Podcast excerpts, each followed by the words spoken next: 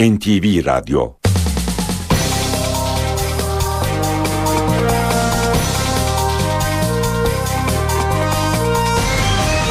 İşe giderken Mutlu sabahlar. Ben Aynur Altunkaş. Bugün 2 Ağustos Cuma işe giderkenle karşınızdayız. Saat 9'a kadar Türkiye ve dünya gündemindeki gelişmeleri paylaşacağız. Gazete manşetlerini, piyasa verilerini, yol ve hava durumlarını aktaracağız. İşe giderken gündemin öne çıkan başlıklarıyla başlıyor. Yüksek Askeri Şura toplantısı devam ediyor. Cumartesi günü Cumhurbaşkanı Gül'ün onayının ardından açıklanacak şura kararlarıyla bütün kuvvet komutanlarının değişmesi bekleniyor. Ergenekon davasında karar aşamasına gelindi. Pazartesi günü Silivri'de yapılacak 321. duruşmada karar çıkması bekleniyor. Jandarma da duruşma için hazırlıklarını sürdürüyor. Kuzey Irak'ın Erbil kentinde düzenlenecek olan Kürt Ulusal Konferansı'nın tarihi değişti. Konferans 24-26 Ağustos tarihleri arasında yapılacak. Kararı açıklayan Hazırlık Komitesi üyesi konferansta bir Kürt devletinin kurulma kararının alınmayacağını söyledi. Amerika Birleşik Devletleri'nden Mısır'la ilgili ilginç bir çıkış daha geldi. Dışişleri Bakanı John Kerry, ordu müdahalesinin halkın isteğiyle gerçekleştiğini ve ordunun demokrasiyi yeniden inşa ettiğini söyledi. İtalya'nın eski başbakanı Silvio Berlusconi yolsuzluk davasından hüküm giydi. Berlusconi'nin 4 yıllık hapis cezası yüksek mahkeme tarafından onandı. Balıkesir'in Kepsut ilçesinde salı günü başlayan orman yangını kontrol altına alındı. Yangının bilançosu ise ağır. 1500 hektarlık ormanlık alan küle döndü. Süper ikramiye sahibini buldu. 7 haftadır devreden Süper Loto'nun bu haftaki çekilişinde 6 bilen bir kişi yaklaşık 17 milyon lira ikramiye kazandı. Akşam iki Türk takımı Avrupa sınavına çıktı. Trabzonspor UEFA Avrupa Ligi 3. ön eleme turunda Dinamo Minsk ile karşılaştı. Bordo Mavililer maçtan 1-0 galip ayrıldı. Bursa Spor'sa Sırp ekibi Vojvodina ile 2-2 berabere kaldı. İşe giderken gazetelerin gündemi.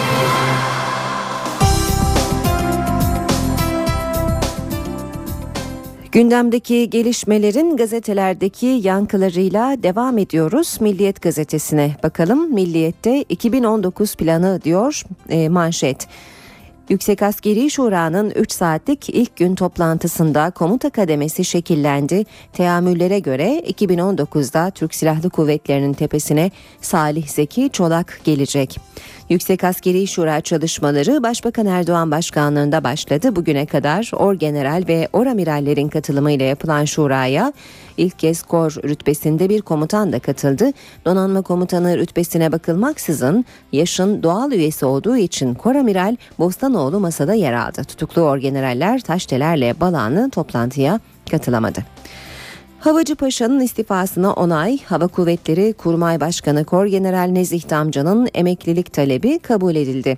Genelkurmay açıklamasında başka bir komutanın emeklilik talebinde bulunmadığı, Damcı'nın durumunun Uludere ile ilgili olmadığı da belirtildi. Bu arada Milli Savunma Bakanı Yılmaz, 110 askeri pilotun 2013 başında bir ayda istifa ettiğini açıkladı. Devam edelim yine milliyetten bir başlıkla Dilan'a vuran polis kusurlu kamu denetçiliği kurumu biber gazı ile ilgili ilk kararını verdi. İstanbul'daki 1 Mayıs gösterileri sırasında başına isabet eden gaz kapsülüyle yaralanan Dilan Alp için yapılan başvuruda polisi kusurlu bulan ombudsmanlık orantısız güç yerine denge üstü davranış ifadesini kullandı. Geçelim Hürriyet gazetesine. Hürriyet'te malumun ilanı başlığını görüyoruz. Manşette bir üniversiteye aranan öğretim üyeleri için yayınlanan ilanda alınacakların isimlerine de yer verilerek skandala imza atıldı. Basın ilan kurumu aracılığıyla verilen dün bir gazetede yer alan Rize'deki Tayyip er, Recep Tayyip Erdoğan Üniversitesi'nin ilanına göre tıp, mühendislik, fen edebiyat fakültelerine birer doçent, su ürünleri fakültesine iki doçent, ilahiyat fakültesine ise bir yardımcı doçent alınacaktı ama garip bir şekilde alınacakların isimleri de ilanda yazıyordu. Devam edelim yine Hürriyet gazetesinden bir başlıkla. Kanunen üflenecek. Türkiye Büyük Millet Meclisi'nde torba yasa içinde kabul edilen trafik kanunundaki önemli değişiklikler hayata geçti. Alkol metreye üflemeyi reddedenin ehliyetine 2 yıl el konuluyor ve 2000 lira para cezası kesiliyor. Devam ediyoruz. Twitter'ın talepkarıyız başlığıyla gezi eylemlerine denk gelen dönemi de kapsayan Twitter şeffaflık raporuna göre Türkiye'den yetkili makamlar 2013'ün ilk 6 ayında 7 tweet kaldırma, 30 kullanıcı hesabı kapatma ve 10 civarında bilgi talebinde bulundu. Hesap kapatma talebiyle dünya birincisiyiz. Twitter bu taleplerin hiçbirine yanıt vermedi diyor Hürriyet haberinde. Geçelim sabaha. Pedofili sapığına kimyasal hadım demiş manşette sabah. Hükümet çocuğa yönelik cinsel istismar suçlarını düzenleyen pakete sürpriz bir kararla kimyasal ilaçla tedavi cezasını koydu. Erdoğan'ın talimatıyla hazırlanan çocuk istismarıyla mücadele paketinde çarpıcı düzenlemeler var pedofili hastası suçlunun kimyasal ilaçla testosteron hormonları işlevsizleştirilecek, cinsel faaliyetleri zayıflatılacak. Düzenleme ile Türk Ceza Kanunu'na ilk kez ensest tanımı giriyor. Bu suçu işleyenlere verilen cezalar iki kat arttırılacak. Devam ediyoruz. Yine sabahtan bir başlıkla fatura ağır oldu. Cennette hüzün var. Kepsut'ta doğal yapıyı yerle bir eden orman yangınında 1500 hektar alan zarar gördü. Ateş yağmurundan 5 köy etkilendi. 5 evde alevler arasında kalarak yandı. Fırtına dolu dizgin gidiyor. Trabzonspor UEFA Avrupa Ligi 3. öneleme turunda Dinamo Minsk'i Belarus'ta 1-0 yenerek tur için büyük avantaj yakaladı. Avrupa'daki 100. maçında Fırtına'ya galibiyeti Henrique'nin golü getirdi. Revanş 8 Ağustos'ta Avni Aker'de. Bursa Spor'da Sırp ekibi Vojvodina ile 90'da Tayvon'un attığı golle deplasmanda 2-2 berabere kaldı. Revanş 8 Ağustos'ta oynanacak. Sırada Cumhuriyet var. Gezi direnişi kabusları oldu demiş manşette Cumhuriyet. Ankara Cumhuriyet Başsavcılığı gezi eylemlerine ilişkin ilk davayı Etem Sarı Sülük anmasını açtı. Savcılık Sarı vurdu, e, vurulduğu yerde anmak için toplanan ancak polis müdahalesiyle dağıtılan gruptaki 35 kişi için yasa dışı eylem yaptıkları gerekçesiyle 3 yıla kadar hapis cezası istedi. Farklı tarihlerdeki direnişe katılan 15 kişi hakkında da polise direnmek suçlamasıyla iddianame düzenlendi demiş Cumhuriyet haberinde. Bir başka başlık bir utanç raporu daha Amerikan Ulusal Bilimler Akademisi, Ulusal Mühendislik Akademisi ve Tıp Enstitüsü ile Almanya Ulusal Bilimler Akademisi tarafından dünya kamuoyuna açıklanan raporda Ergenekon, Balyoz, KCK ve 28 Şubat davaları sanığı 8 bilim insanının tutuksuz ve adil yargılanmaları istendi. Bir başka başlık bakanlık cezayı kesti.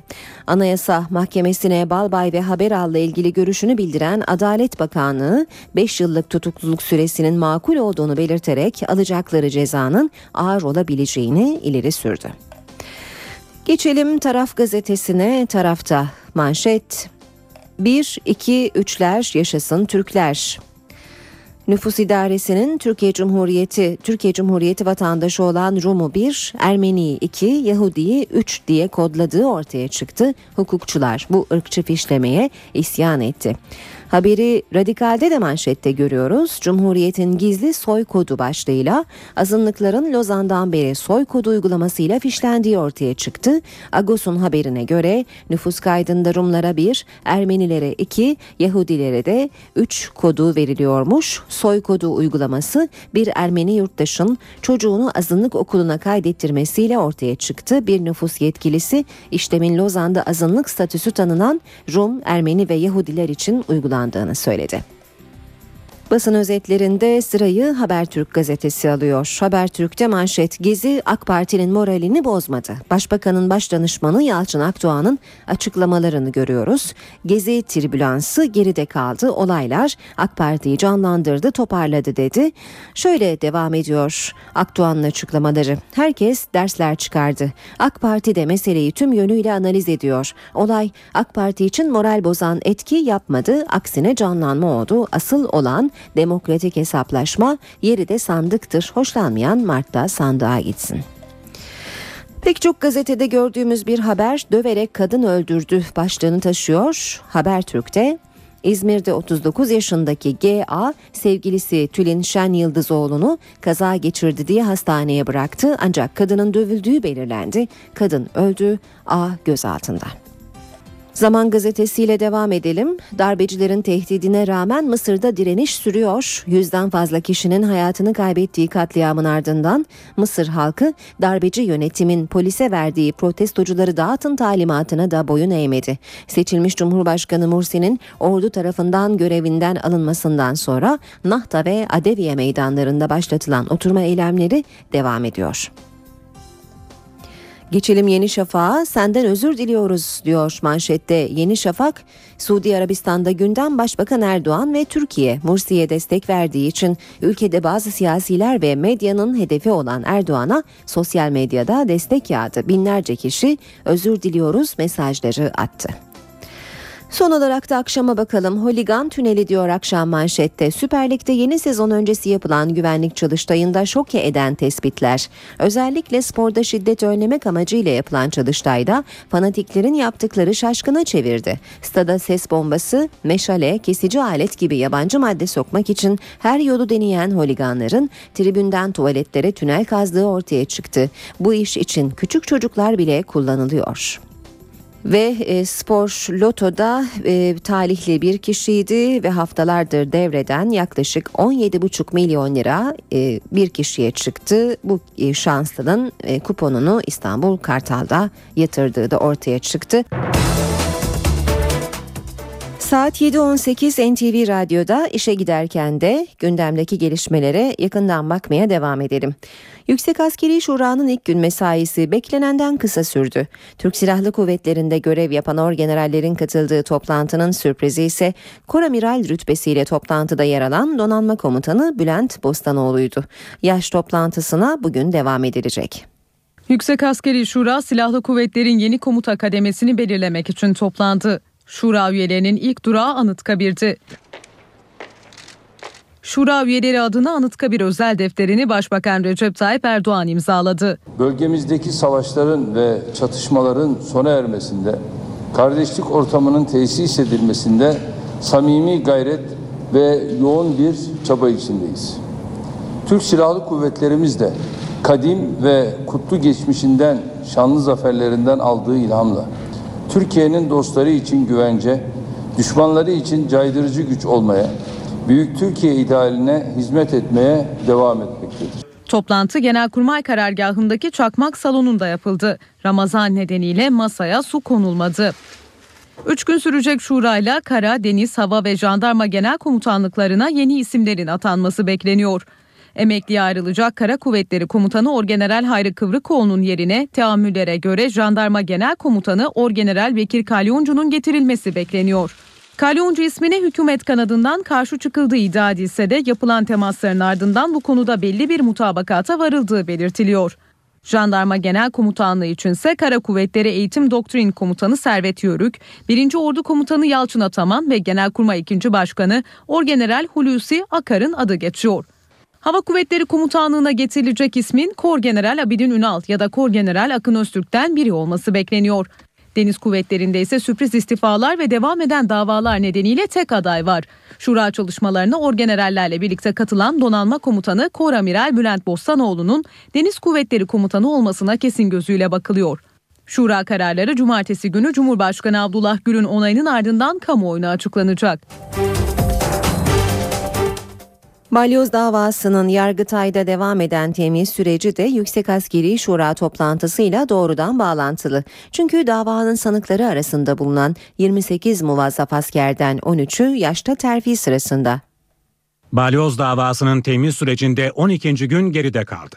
12. duruşmada Hava Kuvvetleri Komutanı olması beklenirken tutuklanan Orgeneral Bilgin Balanlı ile Orgenerallik beklerken geçen yıl emekli edilen 6. Kolordu Komutanı Nejat Bek'in savunmaları yapıldı. İki ismin savunmasını eski Genelkurmay Başkanı Orgeneral İlker Başbuğ'un da avukatı olan İlkay Sezer yaptı. Sezer sözlerine müvekkilim şu anda Yüksek Askeri Şura toplantısında olması gerekirken 26 aydır cezaevinde diye başladı. Balanlı kim tarafından oluşturulduğu belli olmayan bir isim listesinde yer aldığı için 18 yıl hapse mahkum oldu. Ama aynı listede bulunan Hava Kuvvetleri Komutanı Mehmet Erten ve diğer isimlerin ifadesi dahi alınmadı dedi. Darbenin bir parçası olduğu iddia edilen Oraş Hava Harekat Planı ile ilgili Hava Kuvvetleri Komutanlığı tarafından bir inceleme raporu hazırlandı. Raporda seçilmiş subay ve komutanların askeri yazışma ve usullerine aykırı olarak hayali bir planın içerisine sokulduğu belirtiliyor. İki polisin hazırladığı raporlara itimat eden mahkeme, bu ülkenin kuvvet komutanlığı ve genelkurmay başkanlığı tarafından hazırlanan resmi raporlara itibar etmedi. Balyoz davasında yargılanan, aralarında Bilgin Balanlı'nın da bulunduğu 13 muvazzaf general devam eden Yüksek Askeri Şura'da terfi bekliyor. Kor General Rıdvan Ulugüder, Kor Amiral Can Erenoğlu da bir üst rütbeye terfi etmeyi bekleyen isimler arasında. Bayram tatili nedeniyle ara verilecek duruşmalara 12 Ağustos tarihinde devam edilecek. Ergenekon davasında da karar aşamasına gelindi. Pazartesi günü Silivri'de yapılacak 321. duruşmada karar çıkması bekleniyor. Ergenekon soruşturması 6 yıl önce başlamıştı. Davada 66'sı tutuklu, 275 sanık bulunuyor ve pazartesi günü 321. duruşması görülecek olan Ergenekon davasında karar çıkması bekleniyor. Ergenekon davasında kritik gün 5 Ağustos. İstanbul 13. Ağır Ceza Mahkemesi son anda bir değişiklik olmazsa kararını açıklayacak. Duruşmanın görüldüğü Silivri'de tarihi güne hazırlanıyor. Jandarma yaklaşık bir haftadır çalışmalarını sürdürüyor. Ergenekon davasının 321. duruşması için günler öncesinden güvenlik önlemleri alındı. Duruşmanın yapılacağı salonun 1 kilometre gerisine demir bariyerler koyuldu. Üstelik bariyerler bu kez çift sıra olarak yerleştirildi. Bariyerlerin bu kadar sık kurulmasının sebebi Nisan ayındaki duruşmada yaşananlar. Duruşmayı izlemek isteyenler bariyerleri yıkmış ve duruşma salonuna girmeye çalışmışlardı. Ankara'daki gezi eyleminde hayatını kaybeden Ethem Sarısülüğün cenaze töreninde Kızılay ve civarında toplananlardan 35'i hakkında 3'er yıla kadar hapis sistemiyle dava açıldı. Polise mukavemet suçlamasıyla başlatılan soruşturmada 73 kişi için de takipsizlik kararı verildi.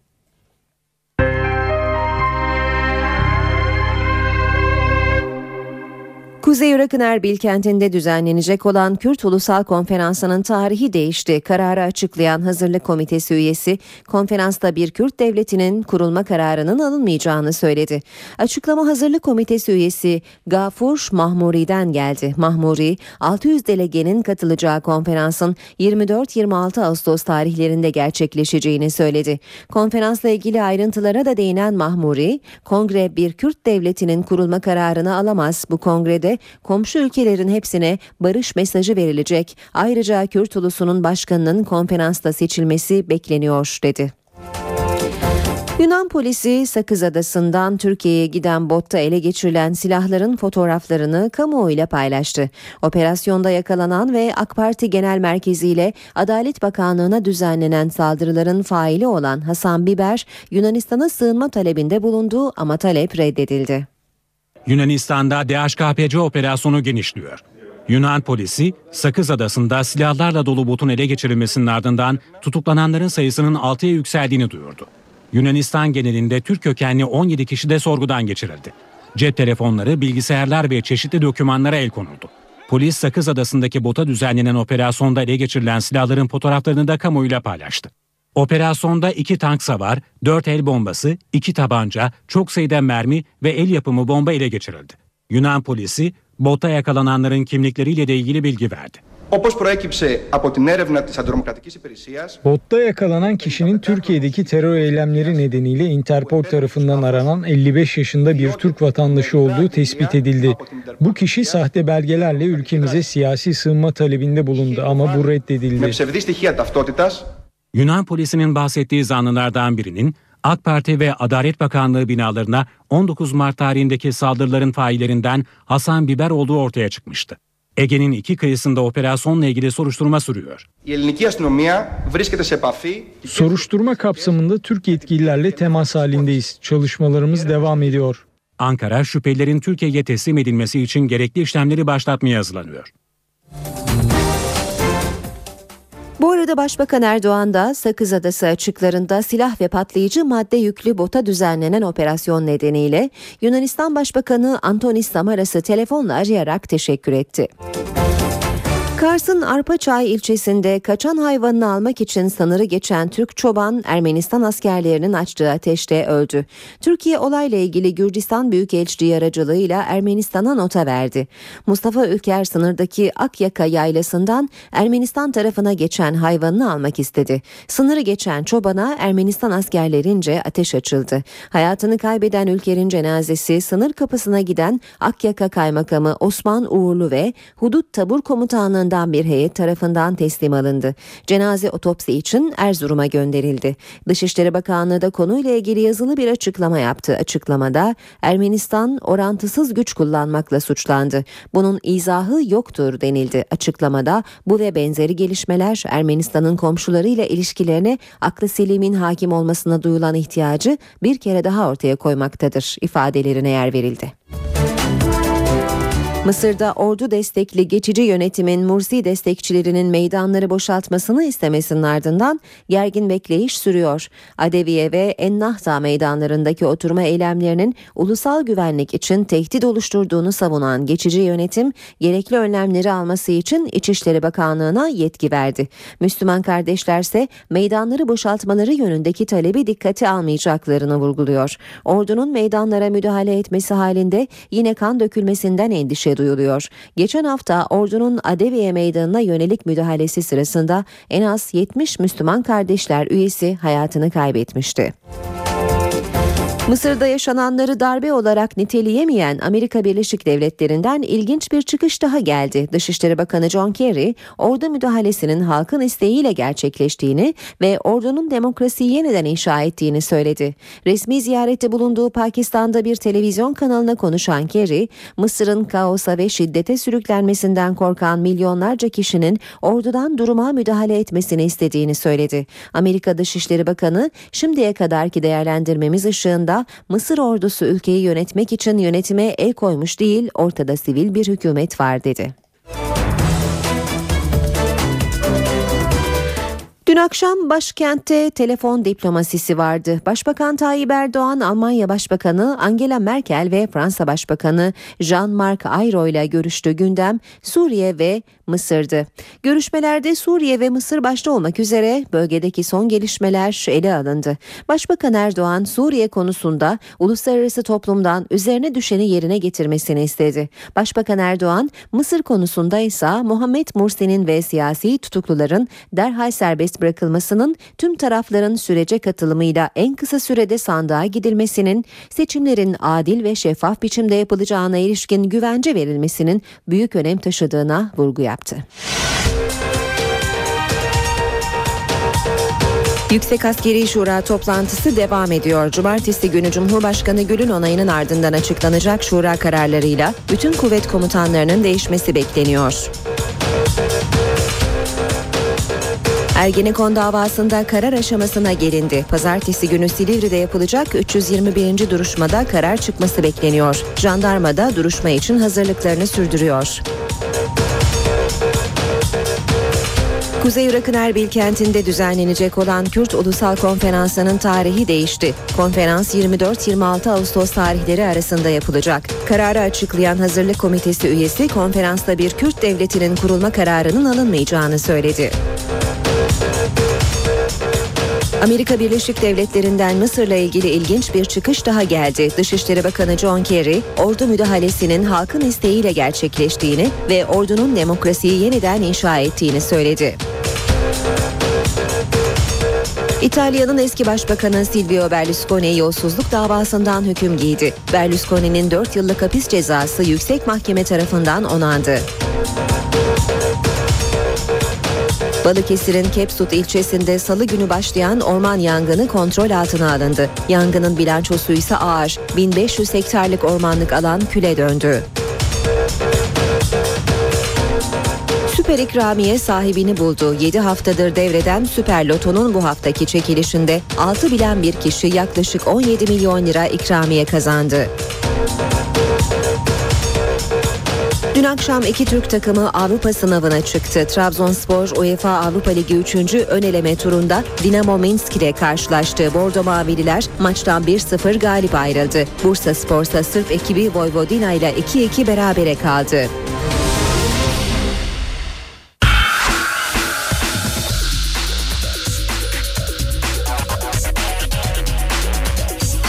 Spor sayfaları. Gazetelerin spor sayfalarını çevirelim. 100 akı başlığı Milliyet'te Trabzonspor Avrupa'da oynadığı 100. maçından zaferle ayrıldı. Bordo Mavili ekip UEFA Avrupa Ligi 3. eleme turunun ilk randevusunda Belarus temsilcisi Dinamo Minsk'i deplasmanda Henrique'nin golüyle yıkarken playoff yolunda dev bir adım attı. Eve hazırlık diyor bir diğer başlıkta Milliyet. Bursa Spor Avrupa Ligi 3. eleme turu ilk maçında Sırbistan'ın Vojvodina takımıyla deplasmanda berabere kaldı. Evinde oynayacağı rövanş karşılaşması için büyük avantaj yakaladı. Her iki temsilcimizin de rövanş maçlarını 8 Ağustos'ta oynayacaklarını hatırlatalım. Boy aynası Dünyanın en saygın futbol organizasyonlarından olan ve her yıl üst düzey kulüplerin katıldığı Emirates turnuvasında gözler Galatasaray'ın üzerinde olacak diyor Milliyet haberinde. Muslera Selçuk, İnan, e, Muslera Selçuk İnan ve Snyder Emirates turnuvasında devler tarafından takip edilecek. Uzak Doğu ve Güney Amerika'da da izlenecek turnuva markalaşma yolundaki Cimbom'un önünü açacak. Fatih Terim Süper Kupa öncesi ekibini görecek. Devler Ligi içinde yol haritası haritası şekillenecek.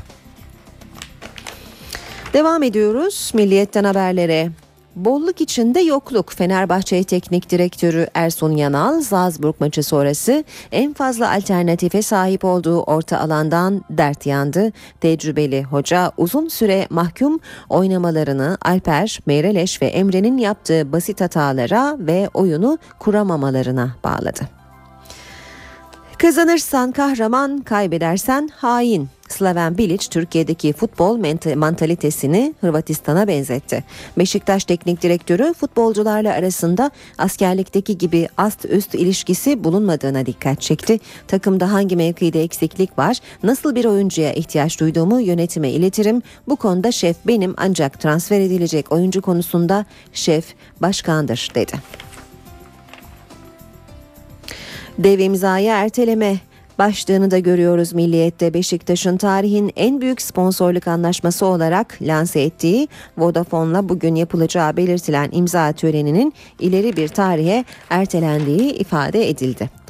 İkinci Harakiri Tokyo valisinin ardından Japonya Başbakan Yardımcısı Taro Aso da büyük bir gafa imza attı. Tokyo 2020 adaylık komitesinde de görev alan Aso'nun Nazileri örnek almalıyız ifadeleriyle ülkenin olimpiyat şansına yeni bir darbe indiği belirtildi.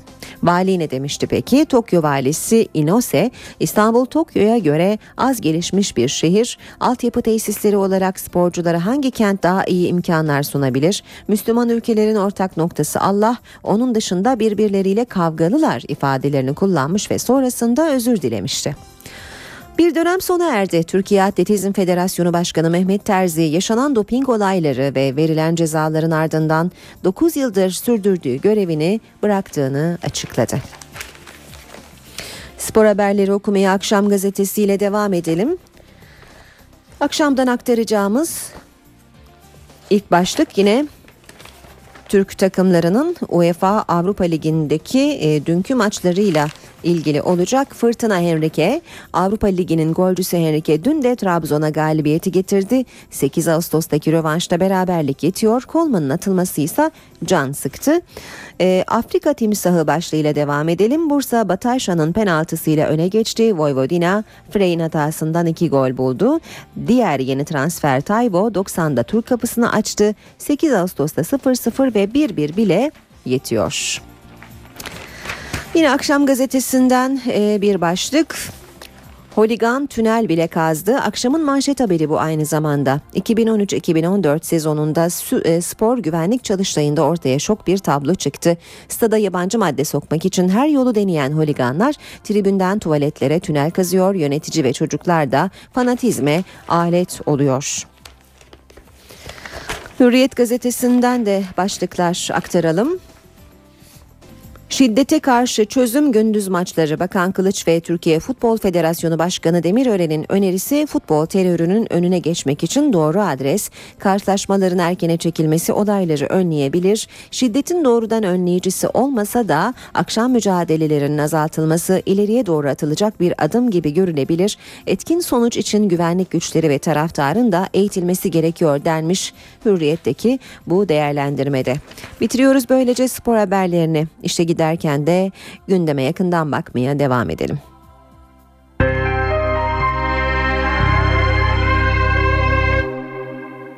Cinsel istismar ve cinsel saldırı suçlarında cezalar artırılıyor. Artık cinsel suçlar terör suçlarıyla aynı kapsamda. Yeni düzenleme çocuk gelinlerin de önüne geçmeyi amaçlıyor. Cinsel suçların cezası ikiye katlanıyor. Cinsel istismar ve cinsel saldırı suçları terör suçlarıyla aynı kapsama alınıyor. Çocuklarını erken evlendiren anne babaya hapis cezası geliyor. Başbakan Recep Tayyip Erdoğan talimatı verdi. Başbakan Yardımcısı Bekir Bozdağ başkanlığında 3 bakanlık cinsel suçlara ilişkin yeni bir düzenleme hazırladı. Buna göre basit taciz suçunun üst ceza sınırı 2 yıldan 3 yıla artırılıyor. 2 ile 7 yıl aralığındaki cinsel saldırı suçunun cezası 10 yıla çıkarılıyor. Nitelikli cinsel saldırı suçlarında hapis cezası da 10 ile 20 yıl aralığına çekiliyor. Çocuklara yönelik cinsel saldırı suçuysa 3-8 yıl aralığından 6 ila 10 yıla çıkarılıyor. Yeni düzenlemeyle gelen en önemli değişikliklerden biri de anne ve babalara yönelik. Çocuklarını zorla evlendiren anne ve babaya 1 ile 3 yıl arasında hapis cezası geliyor. Türk Ceza Kanunu'na ilk kez ensest tanımı da giriyor. İstismara uğrayan kişinin ruh sağlığının bozulup bozulmadığına ilişkin rapor alma zorunluluğu sona eriyor. Cinsel saldırı ve cinsel taciz suçu yılbaşı kutlaması gibi toplumsal alanlarda gerçekleşirse fail daha çok hapis cezası alacak. Cinsel tacizin posta, elektronik posta, internet ortamlarında teşhir suretiyle veya cep telefonu mesajları yoluyla işlenmesi durumunda verilecek cezalarda yarı oranında artırılacak. Dünyanın en uzun teleferik hattının çalışması mahkeme kararıyla durduruldu. Mahkeme çevrecilerin ağaç katliamı yapıldığı iddiasını haklı buldu. 29 Ekim'de açılması planlanan hattın akıbeti belirsiz. Bursa'yı Uludağ'a bağlayacak teleferik hattının yapım çalışmaları mahkeme kararıyla durduruldu. Bölgede yaklaşık 50 yıldır var olan teleferik hattının oteller bölgesine uzatılması için çalışma başlatıldı. Bursa Büyükşehir Belediyesi'ne ait olan projede hattı uzatacak direkler helikopterler yardımıyla dikilmeye başlandı. Ancak rüzgarın helikopterlerin çalışmasını engellediği gerekçesiyle belediye iş makinelerini devreye soktu. Biz Uludağ'a yıllık 800 bin insan çıkıyor ve bunun 600 bini araçlarla çıkıyor. Ve biz bu nedenle e, çevreci bir ulaşım modeliyle teleferikle çıkılmasını istiyoruz. Ama projede de olduğu gibi e, hiç kimseye sorulmadan, kamuoyuyla paylaşılmadan böylesine bir değişikliği de onaylamıyoruz. Direklerin helikopterler marifetiyle dikileceği ve daha az ağaç kesileceği iddiasına karşılık eğer yanlış hatırlamıyorsam rüzgarlı bir bölge helikopterlerle bu iş yapılamaz türünde bir rapora dayalı olarak bundan vazgeçilmişti. Ağaç katliamı yapıldığını iddia eden çevreciler dava açtı. Bursa 2. İdare Mahkemesi yürütmeyi durdurma kararı verdi. Büyükşehir Belediyesi'nin 29 Ekim'de açılacağını duyurduğu teleferik projesinde çalışmalar durdu. Teleferik hattı tamamlandığında 8874 metrelik uzunluğuyla dünyanın en uzun hattı olacak. İstanbul Büyükşehir Belediye Başkanı Kadir Topbaş CNBC'ye konuştu. Şehir parkının ismini halkın belirleyeceğini söyledi. Topbaş Gezi Parkı protestolarına da değindi. İstanbul'da yapılacak şehir parkının adı halk oylamasıyla belirlenecek. İstanbul Büyükşehir Belediye Başkanı Kadir Topbaş, CNBC'ye konuk oldu, şehir parkı ile ilgili konuştu. İsim üzerinde henüz daha durmadık ama belki bir tarihi geçmişi olan ve çırpıcı çayırı diye bilinen belki çırpıcı şekliyle geçebilir. İstanbullularla bunu tartışırız. Ee, nasıl öneriler gelir bakarız. Topbaş Atatürk Havalimanı'nın yeşil alana dönüştürülme projesini de anlattı. Kısmen küçük uçakların belki inebileceği, kısmen bazı bölgeler kullanılır ama büyük böyle alanı da büyük bir bölümü de bölgenin parkı olacak. Kente önemli bir kazanım olacak. Yani yeni e, akciğerler ilavesi anlamı da taşır bu. Kadir Topbaş Gezi Parkı olaylarına da değindi. O projede esasında bakıldığı zaman o proje yani üst kurula verilen proje esasında e, bir şehir müzesiyle e, bir sanat galerisini içeriyor. İçinde e, AVM'si, oteli, rezidansı yok esasında. Yani verilen proje de öyle. E, tartışmalar hani biraz lüzumsuz yapıldığında düşünüyorum. Proje incelenseydi bunu görülürdü. Bir senaryo var. Vatandaşımız, halkımız bunu gördü. Her şey açıklıkla ortaya çıktı. E, zaten desteğini de bundan dolayı çekti. İstanbul Büyükşehir Belediye Başkanı yerel seçim adaylığı ile ilgili ise net konuşmadı. Bu kararı tabii siyasi partim ve Sayın Genel Başkanım ve e, İstanbulluların vereceği karardır. E, bu kararı da e, saygı göstermek gerekir. Balıkesir'in Kepsut ilçesinde salı günü başlayan orman yangını kontrol altına alındı. Yangının bilançosu ise ağır. 1500 hektarlık ormanlık alan küle döndü. Balıkesir tarihinin en büyük orman yangınlarından birini yaşadı. Üçüncü gününde söndürülen alevler 1500 hektar alanı kül etti. Kepsut ilçesindeki yangın Sarıfakılar köyü yakınlarında salı günü başladı. Alevler rüzgarın etkisiyle kısa sürede yayıldı. Karadan ve havadan müdahale ikinci günde sonuç verdi. Yangın kısmen kontrol altına alındı. Ancak rüzgarın kuvvetlenmesiyle alevler yeniden yükseldi. Mezitler köyündeki yangında sabotaj ihtimali üzerinde duruluyor. Dünkü Mezitler köyümüzle ilgili e, adli bir işlemin gerektirdiği bir sebep olabileceğini düşünüyoruz. Yangının yeniden yayılmaya başlamasıyla farklı bölgelerden takviye uçak ve helikopterler istendi. Alevlere 11 helikopter ve 4 uçak müdahale etti. Yüzden fazla orman işçisinin de çabasıyla yangın 3. günde kontrol altına alınabildi. Kepsut'ta salı günü başlayan orman yangını artık sona erdi. Sona erdi ama geriye kapkara bir doğa bıraktı. Bu doğada yaklaşık 30-40 yıl sonra ancak kendisini toparlayabilecek. Beş köy alevlerden etkilendi. Sarıfakılar'da 5 ev yandı. 60 küçükbaş hayvan telef oldu. otlayacak yer kalmadı hayvanlara. Yani yem ihtiyacı veyahut kaba yem ihtiyacı gibi ye- o tür ihtiyaçlar var tabii. Ama benim araba yanmış, meyve fidanlarımız yanmış. Her şey yanmış yani. Yanmadık bir şey yok. Kızılay ekipleri yangından etkilenen köylere erzak yardımında bulundu. Ege Denizi'nde biri bebek 24 kişinin yaşamını yitirdiği kaçak göçmen faciasının ardından bölgede arama çalışmaları sürüyor. Olayın ayrıntıları da yavaş yavaş netleşiyor. Batan teknede yeterli sayıda can simidi olmadığı ortaya çıktı. Can simidi olanlar kurtuldu, diğerleri boğuldu. Ege Denizi'nde 24 kaçağın yaşamını yitirdiği tekne kazasının ayrıntıları netleşmeye başladı. Tekne kaptanı gece Çanakkale'nin Kumburun köyünden aldığı kaçaklarla denize açıldı. Yunan adalarına gitmeye çalışan tekne 10 mil ilerledikten sonra su almaya başladı. Alt kısımda gizlenen kaçaklar güverteye çıktı. Tekne kaptanı saat 2'de sahil güvenlik ekiplerinden yardım istedi. Ancak birkaç saniye sonra tekneyle bağlantı kesildi. Kısa sürede batan teknede üzerinde can simidi olan 11 kişi hayatta kalmayı başardı. Tekne kaptanı da yüzerek kurtuldu. Ancak biri bebek 24 kişi yüzme bilmedikleri ve can simitleri olmadığı için boğularak hayatını kaybetti. Bölgede aramalar sürüyor. Sahil güvenlik ekipleri Bozcaada açıkları ve Kuzey Ege denizinde havadan ve denizden arama yapıyor. Deniz suyu sıcaklığı 23 derece olduğu için hala hayatta kalan kişilerin olabileceği ihtimali üzerinde duruluyor. Tekne kaptanının sorgulandığı olayla ilgili soruşturma sürerken yine Ege Denizi'nde bir facia son anda önlendi. Ayvalık açıklarında devreye gezen sahil güvenlik ekipleri denizin ortasında çırpınan bir grup fark etti. Bindikleri bot batan 29 kaçak ekipler tarafından kurtarıldı. Sağlık durumları iyi olan kaçaklar Yunan sahil ekiplerinin botlarını patlatarak batırdığını iddia etti. Amerika Birleşik Devletleri Avrupa Birliği ülkelerinde yıllardır suçları izlemek için kullanılan elektronik kelepçe uygulaması Türkiye'de de yaygınlaşıyor. Yaklaşık 500 hükümlüye daha elektronik kelepçe takılacak. Adalet Bakanlığı'na bağlı elektronik izleme merkezi tarafından bugüne kadar 664 kişiye elektronik kelepçe takıldı. Uygulama kapsamında 250 hükümlü kollarına ve ayak bileklerine takılan elektronik kelepçeyle toplum içinde izleniyor. Bugünden itibaren yaklaşık 500 hükümlü hükümlünün daha elektronik kelepçeyle takibine başlandı.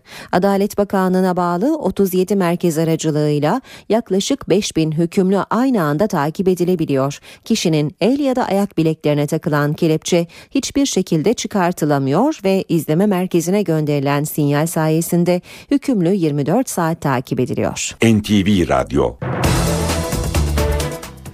Günaydın herkese bir kez daha NTV Radyo'da birlikteyiz. Hava durumu için Gökhan Abur'a birazdan kulak vereceğiz. Önce gündemin başlıklarını hatırlayalım.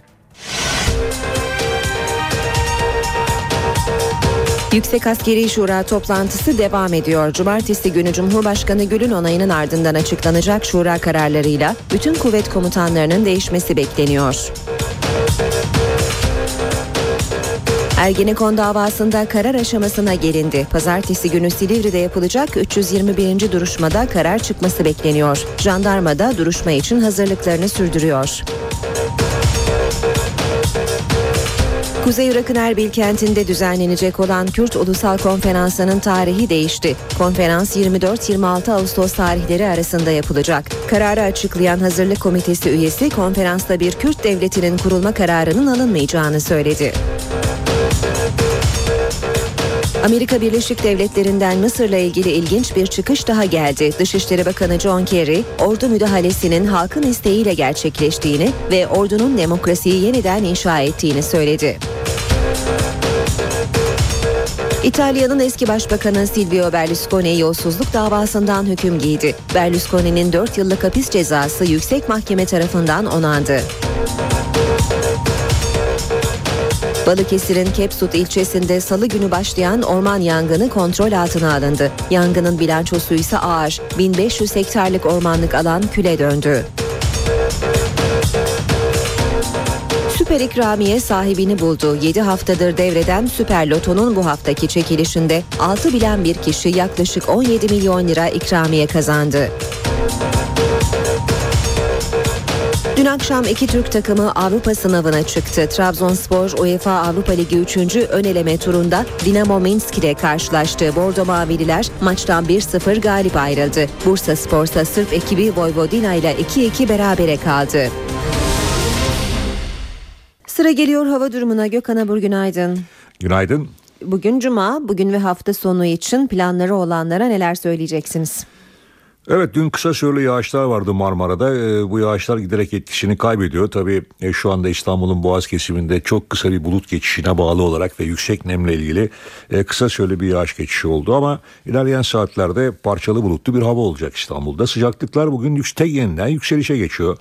Marmara bölgesinde azalmıştı ama Ege'de, Akdeniz'de, iç kesimlerde doğuda yüksek sıcaklıklar etkisini sürdürürken biz bugün için yalnızca doğuda Kars Ardahan arasında kısa süreli yağış bekliyoruz ki ee, sabah erken saatlerde Sinop civarında da hafif bir yağış geçişi İnebolu Sinop arasında olabilir o bölgedeki kıyı kesimleri için.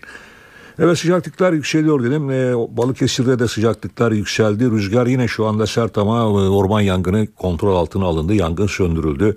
Çok büyük bir alan yanmıştı maalesef.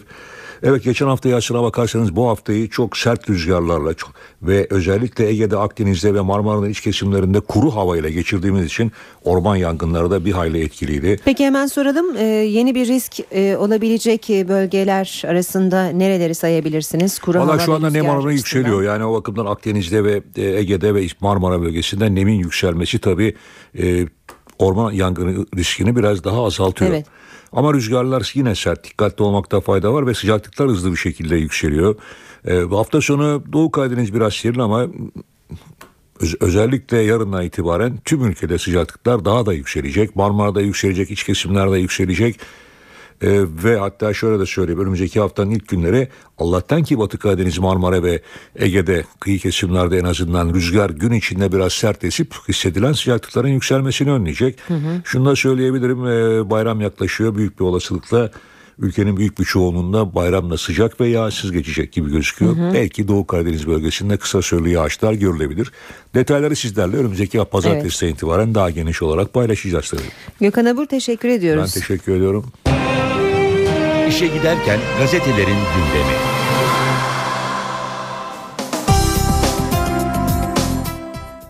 Gündemdeki gelişmelerin gazetelerdeki yankılarıyla devam ediyoruz. Milliyetle başlıyoruz. 2019 planı diyor Milliyet manşette. Yüksek Askeri Şura'nın 3 saatlik ilk gün toplantısında komuta kademesi şekillendi. Teamüllere göre 2019'da Türk Silahlı Kuvvetleri'nin tepesine Salih Zeki Çolak gelecek. Havacı Paşa'nın istifasına onay diyor Milliyet. Hava Kuvvetleri Kurmay Başkanı Korgeneral Nezih Damcı'nın emeklilik talebi kabul edildi. Genelkurmay açıklamasında başka bir komutanın emeklilik talebinde bulunmadığı, Damcı'nın durumunun Uludere ile ilgili olmadığı da belirtildi. Bu arada Milli Savunma Bakanı Yılmaz 110 askeri pilotun 2013 başında bir ayda istifa ettiğini açıkladı. 50 milyarlık barış Türklerin yurt dışındaki 130 milyar doları bulan parasını ülkeye çekmek için 4 yıl aradan sonra ikinci kez gerçekleştirilen varlık barışında rekor kırıldı. Sadece 3,5 aylık sürede 50 milyar liralık beyan yapılırken bu varlıkların çoğunluğunu 49 milyar lirayla döviz oluşturdu. Sevgilisini döve döve öldürmüş başlığıyla sürüyor basın özetleri. Yine Milliyet'ten okuyoruz. Çeşme'de sevgilisini sevgilisi Tülin Şen Yıldızoğlu'nu trafik kazası geçirdi diyerek hastanede bırakan GA'nın kadını döverek öldürdüğü ortaya çıktı. Aşırı alkollü olarak evine gittiği Şen Yıldızoğlu'yla kıskançlık nedeniyle tartıştıktan sonra kadının başını defalarca yere vuran GA gözaltına alındı. Haberi pek çok gazetede görüyoruz bugün. Geçelim Hürriyet'e. Hürriyet malumun ilamı diyor. Bir üniversiteye aranan öğretim üyeleri için yayınlanan ilanda alınacakların isimlerine de yer verilerek skandala imza atıldı. Basın ilan kurumunun aracılı, kurumu aracılığıyla verilen dün bir gazetede yayınlanan Rize'deki Recep Tayyip Erdoğan Üniversitesi'nin ilanına göre tıp, mühendislik, fen edebiyat fakültelerine birer doçent, su ürünleri fakültesine iki doçent, ilahiyat fakültesine ise bir yardımcı doçent alınacaktı ama garip bir şekilde alınacakların isimleri de ilanda yazıyordu. Twitter'ın talepkarıyız diyor başlık hürriyette. Gezi eylemlerine denk gelen dönemin de dönemi de kapsayan Twitter şeffaflık raporuna göre Türkiye'den yetkili makamlar 2013'ün ilk 6 ayında 7 tweet kaldırma, 30 kullanıcı hesabı kapatma ve 10 civarında bilgi talebinde bulundu. Hesap kapatma talebiyle dünya birincisiyiz. Twitter bu taleplerin hiçbirine yanıt vermedi. Basın özetlerine Devam ediyoruz. Sırada Sabah gazetesi var. Sabah e, sabahta manşet pedofili sapığına kimyasal hadım. Hükümet çocuğa yönelik cinsel istismar suçlarını düzenleyen pakete sürpriz bir kararla kimyasal ilaçla tedavi cezasını koydu. Başbakan Erdoğan'ın talimatıyla hazırlanan çocuk istismarıyla mücadele paketinde çarpıcı düzenlemeler var. Pedofili hastası suçlunun kimyasal ilaçla testosteron hormonları işlevsizleştirilecek, cinsel faaliyetleri zayıflatılacak. Düzen düzenlemeyle Türk Ceza Kanunu'na ilk kez ensest tanımı giriyor. Bu suçu işleyenlere verilen cezalar iki kat artırılacak. Basın özetlerine Taraf gazetesiyle devam edelim. Tarafın manşeti 1-2-3'ler yaşasın Türkler. Nüfus İdaresi'nin Türk Ceza e, Türkiye Cumhuriyeti vatandaşı olan Rum'u 1, Ermeni'yi 2, Yahudi'yi 3 diye kodladığı ortaya çıktı. Hukukçular bu ırkçı fişlemeye isyan etti. Haberi radikalde de görüyoruz. Başlık Cumhuriyet'in gizli soykodu. Azınlıkların Lozan'dan beri soykodu uygulamasıyla fişlendiği ortaya çıktı. Agos'un haberine göre nüfus kaydında Rumlara 1, Ermenilere 2, Yahudilere de 3 kodu veriliyormuş. Geçelim Cumhuriyet'e. Gezi direnişi kabusları oldu diyor Cumhuriyet. Yasaklar ve gözaltı dalgalarının ardından dava sağanağı başlattılar. Ankara Cumhuriyet Başsavcılığı gezi eylemlerine ilişkin ilk davayı Etem Sarısülük anmasını açtı. Savcılık Sarısülük'ü vurulduğu yerde anmak için toplanan ancak polis müdahalesiyle dağıtılan gruptaki 35 kişi için yasa dışı eylem yaptıkları gerekçesiyle 3 yıla kadar hapis cezası istedi. Farklı tarihlerdeki direnişe katılan 15 kişi hakkında hakkında da polise direnmek suçlamasıyla iddianame düzenlendi. Habertürk'le devam edelim. Gezi AK Parti'nin moralini bozmadı diyor Habertürk manşette. Başbakanın baş danışmanı Yalçın Akdoğan, Gezi türbülansı geride kaldı. Olaylar AK Parti'yi canlandırdı, toparladı dedi. Bir diğer başlık Yine Habertürk gazetesinden Fener'e ikisi de geliyor. Şampiyonlar Ligi ön eleme maçından bir birlik avantajla dönen Fenerbahçe Avrupa planını çizdi. Salzburg aşılırsa playoff'taki rakibi dünya devi olacak. Kanarya, Cardozo ve Emenike'yi birlikte alacak diyor. Devam ediyoruz akşam gazetesiyle akşamda manşet Holigan Tüneli Süper Lig'de yeni sezon öncesi yapılan güvenlik çalıştayında şoke eden tespitler özellikle sporda şiddeti önlemek amacıyla yapılan çalıştayda fanatiklerin yaptıkları şaşkına çevirdi. Stada ses bombası, meşale, kesici alet gibi yabancı madde sokmak için her yolu deneyen holiganların tribünden tuvaletlere tünel kazdığı ortaya çıktı. Bu iş için küçük çocuklar bile kullanılıyor. Trabzon turu için göz kırptı. Avrupa kupalarındaki 100. maçına çıkan Karadeniz fırtınası Belarus'tan umut, e, mutlu döndü. Trabzon UEFA Avrupa Ligi 3. eleme turu ilk maçında Dinamo Minsk'i Henrique'nin golüyle devirirken rövanş için avantaj sağladı. Bursa'da Vojvodina ile 2-2 berabere kaldı.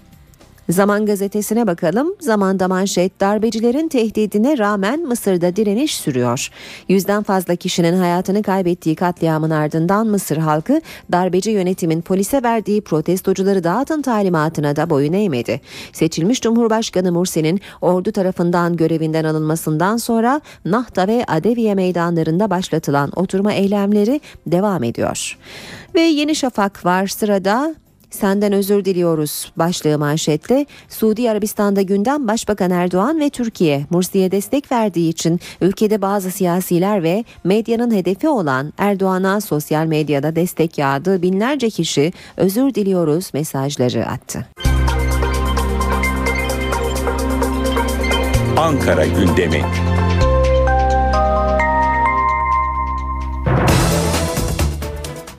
Başkent gündemiyle devam ediyoruz. Bu sabah karşımızda Miray Aktağ Uluç var. Miray günaydın. Günaydın Aynur.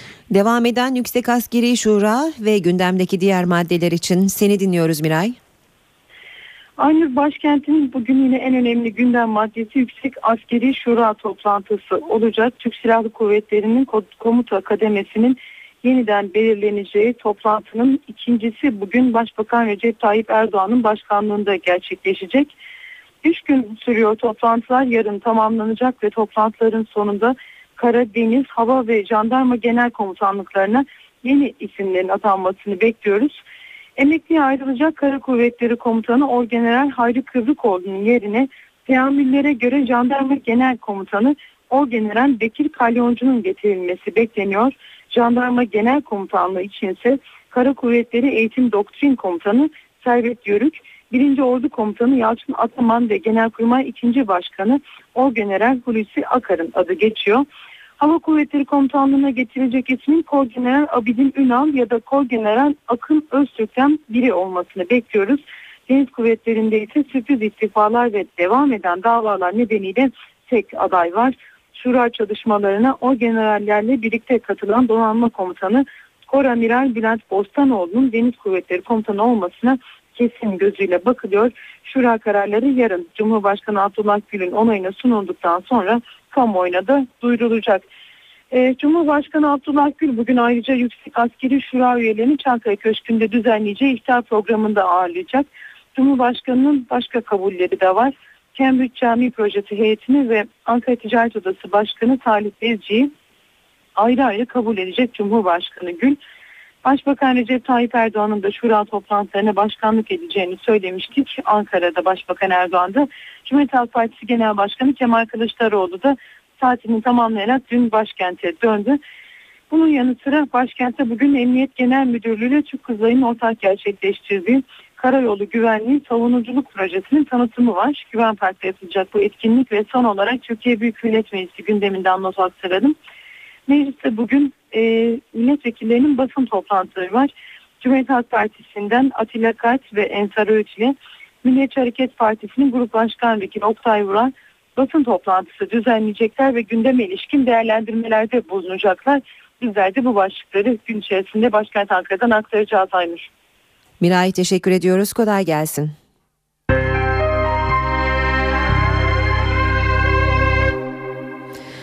Türkiye Sanayici ve İş Adamları Derneği'nden Koç grubuna ait enerji şirketlerine yapılan denetimlere ilişkin değerlendirme geldi. Yazılı açıklamada denetimin kamuoyunda bir cezalandırma algısı yaratması, algının gerçek olması kadar vahim sonuçlar üretme potansiyeline sahiptir denildi. Aynı açıklamada denetimin kamuda da özel kesimde de itibarı gözeten şeffaf, adil ve yapıcı bir yaklaşımla icra edilmesi istendi. TÜSİAD denetimin adaleti sorgulatmadan sonuçlandırılmasının ülke itibarı için de önemli olduğunu vurguladı. Memura zam pazarlığı başladı. Hükümet ve memur sendikaları konfederasyonları ilk tur görüşme için masaya oturdu. Görüşmelerin ilk gününde oturma düzeni tartışması çıktı. Devletimizin imkanları çerçevesinde kamu çalışanlarımızın beklentilerini karşılama çabası içerisinde olacağımızı belirtmek istiyorum. Yaklaşık 5 milyon memur ve memur emeklisi toplu sözleşme görüşmelerine kilitlendi. Hükümet ve sendikalar 2014-2015 yılları için pazarlığa oturdu. 10 yıldır memur enflasyonu ezen zamları bekliyor. Memur Sen 2014 ve 2015 yılları için %6 artı 6 zam talep etti. Ayrıca emeklileri de kapsayacak şekilde taban aylıklarına 100 lira iyileştirme istedi. Türkiye Kamu Sen 2014 yılı için %10 artı 10 talebinde bulundu. KESK ise en düşük memur maaşının 2340 liraya yükseltilmesini istedi. Görüşmelerin ilk gününde oturma düzeni tartışması yaşandı. KESK ve Türkiye Kamu Sen başkanları Memur Sen Başkanı Ahmet Gündoğdu'nun Bakan Faruk Çelik'in yanına oturmasına tepki gösterdi. İki ordu yani temsil dağıtı olmaz savaşacak. İki tane komutan çıkacak yan yana ordunun savaşmasını seyredecek gibi bir manzara var şu anda. Böyle bir toplu sözleşme düzeni olur mu ya? Toplu sözleşme masasının düzeni ve oturum şekli doğru değildir, yanlıştır. Her başkan kendi tarafının başkanıdır. Toplu sözleşme sisteminde ayrıcalıklı bir duruma sahip değildir. 3 hafta devam edecek görüşmelerde hükümet teklifini 6 Ağustos Salı günü verecek. Uzlaşma sağlanamaması halinde devreye hakem kurulu girecek ve en geç 31 Ağustos tarihinde son sözü söyleyecek. Cumhurbaşkanı Abdullah Gül sürücü belgelerinin yenilenmesi, 100 bin sözleşmeli personelin kadroya alınması gibi çok sayıda değişikliği içeren torba yasayı onayladı. Gül'ün onayladığı yasayla 4 beylilerle il özel idareleri, Sağlık Bakanlığı, TRT, Spor Genel Müdürlüğü ve Başbakanlıkta çalışan 100 bin sözleşmeli personel kadroya alınacak. Şehit ailelerine kamuda 2, yakınlarına ise 1 istihdam hakkı sağlanacak. Terör mağdurlarına sosyal güvencesine bakılmaksızın maaş bağlanacak. Muhtarların aylık ödeneklerine %90, geçici köy korucularının emekli maaşlarına %70 zam yapılacak. 24 milyon sürücünün ehliyeti değişecek. Gül'ün onayladığı yasayla Türkiye Mimar ve Mühendis Odaları Birliği'nin her projeden aldığı tasdik ücreti de kaldırıldı. Türk vatandaşlarının yurt dışındaki paralarını Türkiye'ye çekmek için uygulamaya giren varlık barışı kapsamında 31 Temmuz'a kadar 50 milyar 4, 45 milyon lira tutarında beyan yapıldı. 1 milyar lira vergi tahakkuk etti. Maliye Bakanlığı başvuru süresi 31 Ekim'e kadar uzatılan varlık barışı uygulamasında 31 Temmuz'a kadarki başvuru sonuçlarını açıkladı. Yurt dışındaki para, döviz, altın, menkul kıymet ve diğer sermaye piyasası araçlarının sadece %2 oranında vergi ödeyerek Türkiye'ye getirilmesini sağlayacak uygulama kapsamında 50 milyar 45 milyon liralık beyan yapıldı ve 1 milyar 1 milyon lira tutarında vergi tahakkuk edildi. Beyan edilen varlıkların 19 milyon lira tutarındaki kısmı Türk lirası varlıklar, 819 milyon liralık altın beyan edilirken 49 milyar liradan fazla kısım döviz olarak beyan edildi. Sürpriz trafik cezalarına hazırlıklı olun. 1 Ocak 2012'den önce kesilen ve sisteme işlenmeyen trafik cezaları 4 ay içinde tamamlanıp araç sahiplerine gönderilecek. Yıllar önce kesilen trafik cezası her an kapınızı çalabilir. Vergi daireleri tozlu raflardaki ceza dosyalarını ortaya çıkardı. Yıllardır bekleyen trafik cezalarını sisteme işlemeye başladı. Çalışma 4 ay içinde tamamlanacak ve araç sahiplerine sürpriz trafik cezaları gelecek. Gelir İdaresi Başkanlığı 1 Ocak 2012 öncesindeki hız ihlali, park yasağı ve emniyet kemeri takmama gibi nedenlerle kesilen ceza makbuzlarının sisteme işlenmesi için vergi dairelerine 4 aylık süre verdi. Bu kapsamda hummalı bir çalışma başladı. Sisteme işlenmeyen makbuzlar faiz işletilerek araç sahiplerine gönderiliyor. Bu da cezadan haberi bile olmayan vatandaşa ekstra maliyet çıkarıyor. Örneğin 2009'da 100 lira ceza kesilen bir kişiye gecikme faiziyle birlikte 350 liralık ödeme makbuzu gönderiliyor. Cezalar gecikmeli olarak sisteme işlendiği için fatura bir başka sürücüye de çıkabiliyor. Yeni araç alan birçok kişi taşıtın eski sahibinin borcunu ödemek zorunda kalabiliyor. Maliye Bakanlığı'nın 2013 yılı bütçe hedefi için trafik para cezası tahsilatı 82 milyon 15 bin lira olarak öngörülüyor. Ancak geçen yıllardan kalan ve Ocak ayında kesilen cezaların tutarı yılın ilk ayında 246 milyon 848 bin lira. Süper ikramiye sahibini buldu. 7 haftadır devreden Süper Loto'nun bu haftaki çekilişinde 6 bilen bir kişi 17 milyon 563 bin 660 lira 75 kuruş ikramiye kazandı. Kazandıran numaralar 8, 14, 24, 29, 46 ve 47 olarak belirlendi. 6 bilen talihlinin kuponunu İstanbul Kartal'dan yatırdığı bildirildi. Bu haftaki çekilişte 22 milyon 434 bin 91 lira 15 kuruş ikramiye dağıtıldı. Ve piyasalar e, Borsa İstanbul dün yatay bir seyir izledi. BIST 100 endeksi 24 puan artarak 73.401 puandan kapandı. Bu sabah dolar 1.94 euro 2.57'den işlem görüyor. Euro dolar 1.32 dolar yen 99 düzeyinde seyrediyor. Altının onsu 1305 dolara geriledi. Kapalı çarşıda külçe altının gramı 83, Cumhuriyet altını 571, çeyrek altın 144 liradan işlem görüyor. Brent petrolün varili 110 dolar.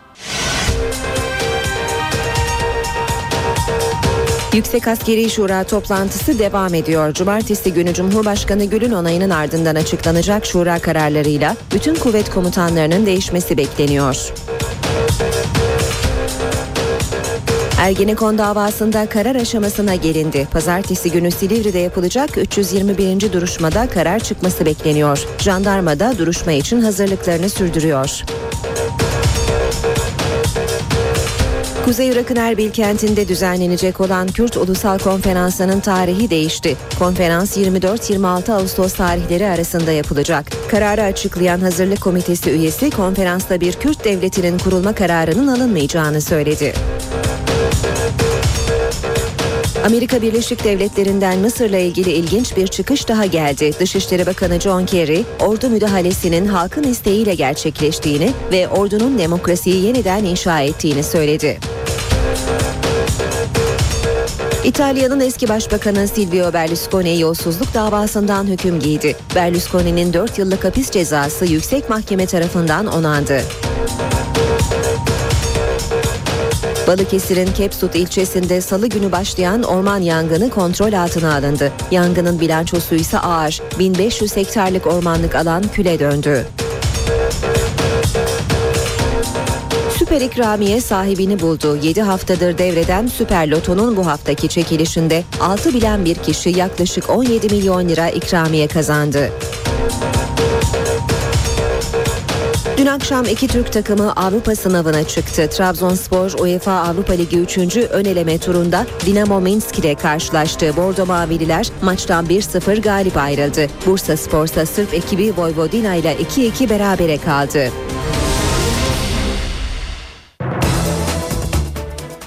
Saat 8.40 işe giderken gündemdeki gelişmelerle devam ediyor. Balyoz davasının Yargıtay'da devam eden temiz süreci Yüksek Askeri Şura toplantısıyla doğrudan bağlantılı. Çünkü davanın sanıkları arasında bulunan 28 muvazzaf askerden 13'ü yaşta terfi sırasında. Balyoz davasının temiz sürecinde 12. gün geride kaldı. 12. duruşmada Hava Kuvvetleri Komutanı olması beklenirken tutuklanan Orgeneral Bilgin Balanlı ile Orgenerallik beklerken geçen yıl emekli edilen 6. Kolordu Komutanı Nejat Bek'in savunmaları yapıldı. Tahliye kararıyla İki ismin savunmasını eski Genelkurmay Başkanı Orgeneral İlker Başbuğ'un da avukatı olan İlkay Sezer yaptı. Sezer sözlerine müvekkilim şu anda Yüksek Askeri Şura toplantısında olması gerekirken 26 aydır cezaevinde diye başladı. Balanlı kim tarafından oluşturulduğu belli olmayan bir isim listesinde yer aldığı için 18 yıl hapse mahkum oldu. Ama aynı listede bulunan Hava Kuvvetleri Komutanı Mehmet Erten ve diğer isimlerin ifadesi dahi alınmadı dedi. Darbenin bir parçası olduğu iddia edilen Oraş Hava Harekat Planı ile ilgili Hava Kuvvetleri Komutanlığı tarafından bir inceleme raporu hazırlandı. Raporda seçilmiş subay ve komutanların askeri yazışma ve usullerine aykırı olarak hayali bir planın içerisine sokulduğu belirtiliyor. İki polisin hazırladığı raporlara itimat eden mahkeme, bu ülkenin kuvvet komutanlığı ve genelkurmay başkanlığı tarafından hazırlanan resmi raporlara itibar etmedi. Balyoz davasında yargılanan, aralarında Bilgin Balanlı'nın da bulunduğu 13 muvazzaf general devam eden Yüksek Askeri Şura'da terfi bekliyor. Kor General Rıdvan Ulugüder, Kor Amiral Can Erenoğlu da bir üst rütbeye terfi etmeyi bekleyen isimler arasında. Bayram tatili nedeniyle ara verilecek duruşmalara 12 Ağustos tarihinde devam edilecek.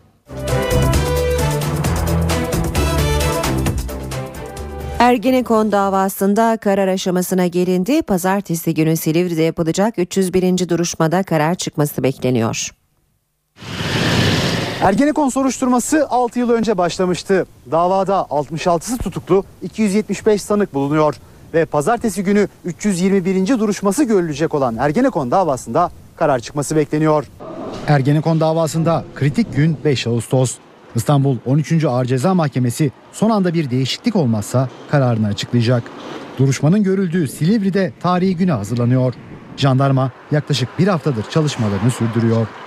Ergenekon davasının 321. duruşması için günler öncesinden güvenlik önlemleri alındı. Duruşmanın yapılacağı salonun 1 kilometre gerisine demir bariyerler koyuldu. Üstelik bariyerler bu kez çift sıra olarak yerleştirildi. Bariyerlerin bu kadar sık kurulmasının sebebi Nisan ayındaki duruşmada yaşananlar.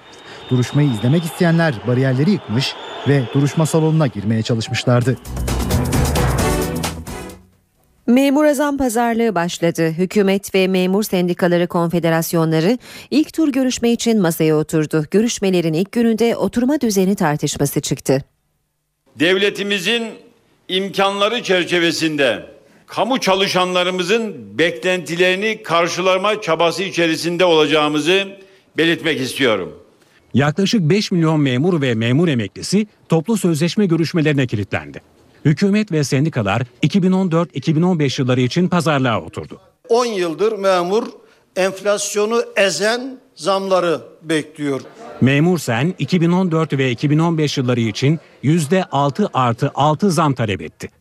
Ayrıca emeklileri de kapsayacak şekilde taban aylıklarına 100 lira iyileştirme istedi. Türkiye Kamu Sen 2014 yılı için %10 artı 10 talebinde bulundu. KESK ise en düşük memur maaşının 2340 liraya yükseltilmesini istedi. Görüşmelerin ilk gününde oturma düzeni tartışması yaşandı. KESK ve Türkiye Kamu Sen başkanları Memur Sen Başkanı Ahmet Gündoğdu'nun Bakan Faruk Çelik'in yanına oturmasına tepki gösterdi. İki ordu yani temsil dağıtı olmaz savaşacak. İki tane komutan çıkacak yan yana ordunun savaşmasını seyredecek gibi bir manzara var şu anda. Böyle bir toplu sözleşme düzeni olur mu ya? Toplu sözleşme masasının düzeni ve oturum şekli doğru değildir, yanlıştır. Her başkan kendi tarafının başkanıdır. Toplu sözleşme sisteminde ayrıcalıklı bir duruma sahip değildir. 3 hafta devam edecek görüşmelerde hükümet teklifini 6 Ağustos Salı günü verecek. Uzlaşma sağlanamaması halinde devriye hakem kurulu girecek ve en geç 31 Ağustos tarihinde son sözü söyleyecek. İstanbul Büyükşehir Belediye Başkanı Kadir Topbaş CNBC'ye konuştu. Şehir Parkı'nın isminin ismini halkın belirleyeceğini söyledi. Topbaş Gezi Parkı protestolarına da değindi. İstanbul'da yapılacak şehir parkının adı halk oylamasıyla belirlenecek. İstanbul Büyükşehir Belediye Başkanı Kadir Topbaş, CNBC'ye konuk oldu, şehir parkı ile ilgili konuştu. İsim üzerinde henüz daha durmadık ama belki bir tarihi geçmişi olan ve çırpıcı çayırı diye bilinen belki çırpıcı şekliyle geçebilir. İstanbullularla bunu tartışırız. Ee, nasıl öneriler gelir bakarız. Topbaş Atatürk Havalimanı'nın yeşil alana dönüştürülme projesini de anlattı. Kısmen küçük uçakların belki inebileceği, kısmen bazı bölgeler kullanılır ama büyük böyle alanı da büyük bir bölümü de bölgenin parkı olacak. Kente önemli bir kazanım olacak. Yani yeni e, akciğerler ilavesi anlamı da taşır bu. Kadir Topbaş Gezi Parkı olaylarına da değindi.